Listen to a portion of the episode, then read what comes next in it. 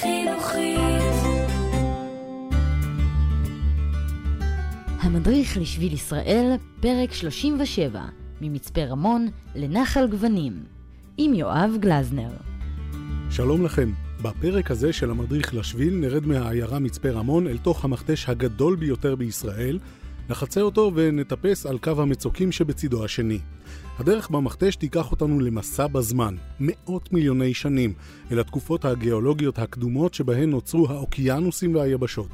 אל שבלולים ימיים טורפים בגודל של גלגל משאית שנכחדו ביחד עם הדינוזאורים, ואל התפרצויות ספונטניות של זרמי מגמה מבטן האדמה שהטיחו את סביבתם והרימו הרים שחורים שעליהם נטפס. לאורך היום נזכה לשלל תצפיות נפלאות מתוך המכתש ומעליו, נבין מה נותן את הצבע לאבן החול האדומה, ואיפה אפשר למצוא מרבצים של כסף, עופרת ואבץ. את היום שלנו נסיים בחניון הלילה של נחל גוונים. יום ההליכה שלפנינו ארוך, עם עליות וירידות שחלקן מאתגרות.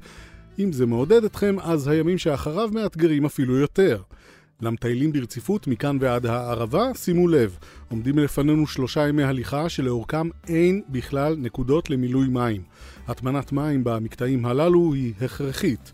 אם אתם לא יודעים איך מטמינים מים בשביל, תנו לפרק המבוא של הפודקאסט, הפרק שאנחנו קוראים לו המדריך למדריך.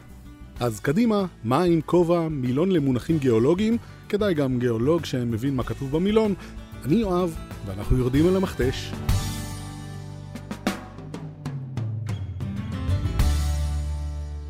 נפתח את היום שלנו בתצפית ממצפור המרפסת התלויה, כמה עשרות מטרים בכיוון דרום ממרכז המבקרים של מצפה רמון.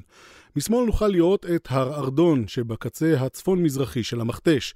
בבסיסו סלעים געשיים כהים, במרכזו אבן חול אדומה וחלקו העליון לבן. הגבעה השחורה שמשמאל למרגלות המצוק נקראת גבעת געש, והיא תוצאה של פעילות וולקנית קדומה. העמק שבשוליו נמצאת גבעת געש נקרא בקעת מחמל. נחל רמון, שמנקז את המכתש, מזגזג תחתנו בכיוון צפון-מזרח, ומתחת להר ארדון מתקל דרומה, אל הנקודה שממנה הוא נשפך החוצה מהמכתש. מולנו, במרחק של עשרה קילומטרים, מתוח קו המצוקים הדרומי של המכתש.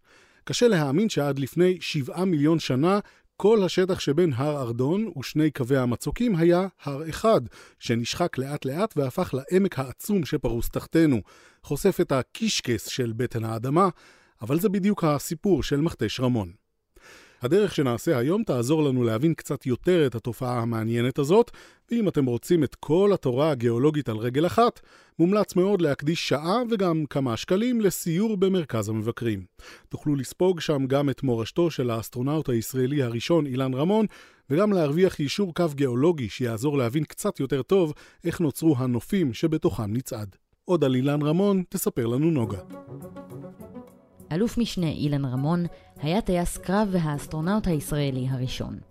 הוא התגייס לקורס טיס ב-1972 וסיים אותו בהצטיינות. בהמשך היה מראשוני טייסי ה-F-16 והיה צעיר הטייסים במבנה שתקף את הכור בעיראק. בשנות ה-90 רמון ומשפחתו נשלחו מטעם מדינת ישראל וחיל האוויר להתכונן למשימת החלל בתוכנית המעבורות של נאס"א. רמון הוגדר מומחה מטען והיה אחראי לביצוע כמה ניסויים בחלל. המעבורת קולומביה שוגרה בינואר 2003, אך לא שבה מהמשימה. היא התפרקה עם כניסתה חזרה לאטמוספירה, וכל שבעת אנשי הצוות נספו. רמון הובא למנוחות בבית העלמין בנהלל, הוא הותיר אחריו אישה וארבעה ילדים. שש שנים וחצי לאחר אסון המעבורת היכה במשפחה אסון נוסף. אסף, בנם הבכור של אילן ורונה, נהרג בהתרסקות מטוס F-16 במהלך טיסת אימונים בנגב. נמשיך מהמרפסת מזרחה לכיוון הר הגמל ונרוויח תצפית נפלאה נוספת לקצה הדרום-הערבי של המכתש. כמה עשרות מטרים משם נתחיל לרדת מהמצוק. כבר במרכז הדרך למטה נוכל להבחין בערוץ שמשמאל לשביל באבן חול אדומה.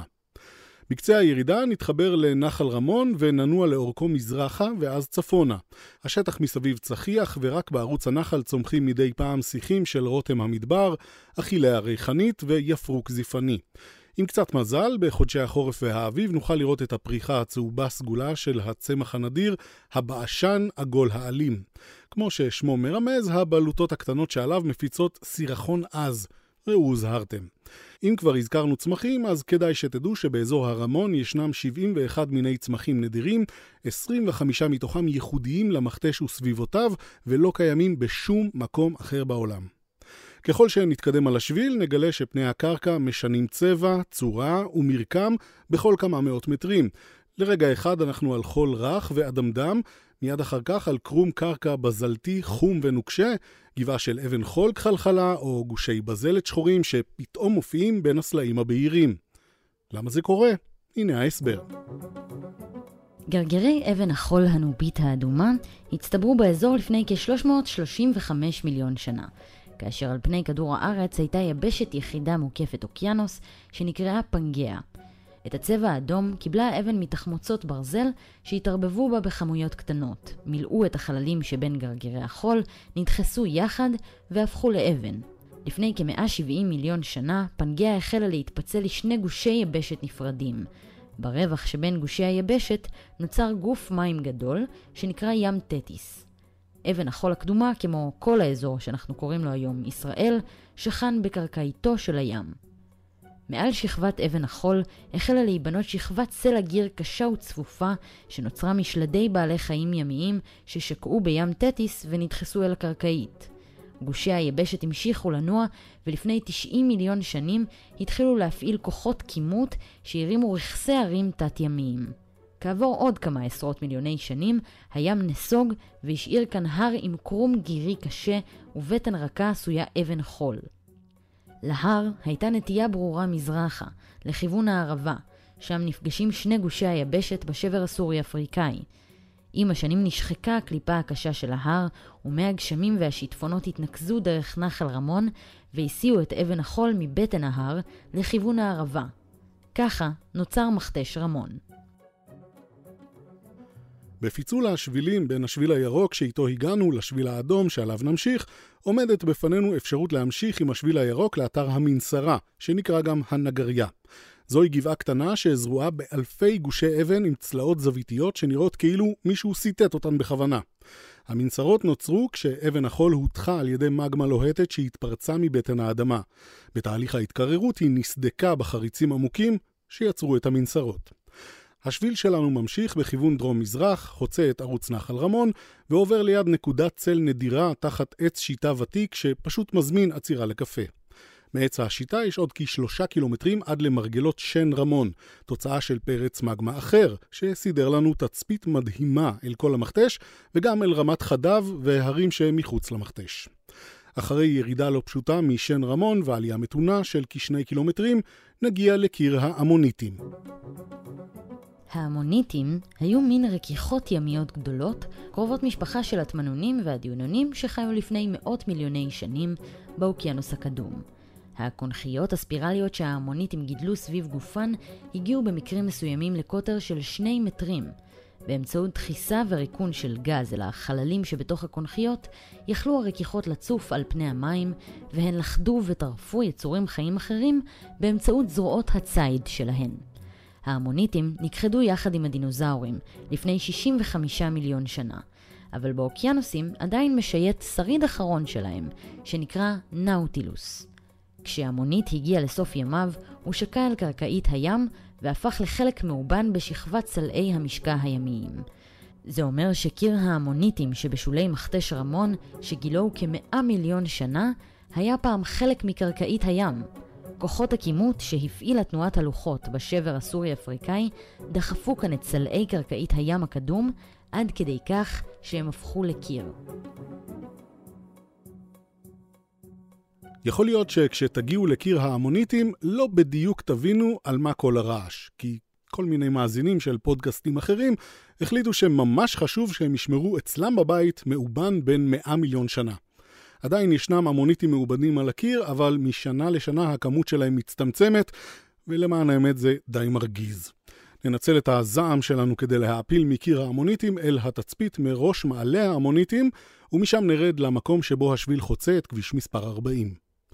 אם נשאר לכם זמן וכוח, תוכלו לבחור כאן בסימון שבילים כחול שלוקח למסלול גיאולוגי עם שלטים והסברים מעמיקים על שלל תופעות שאפשר לראות במכתש.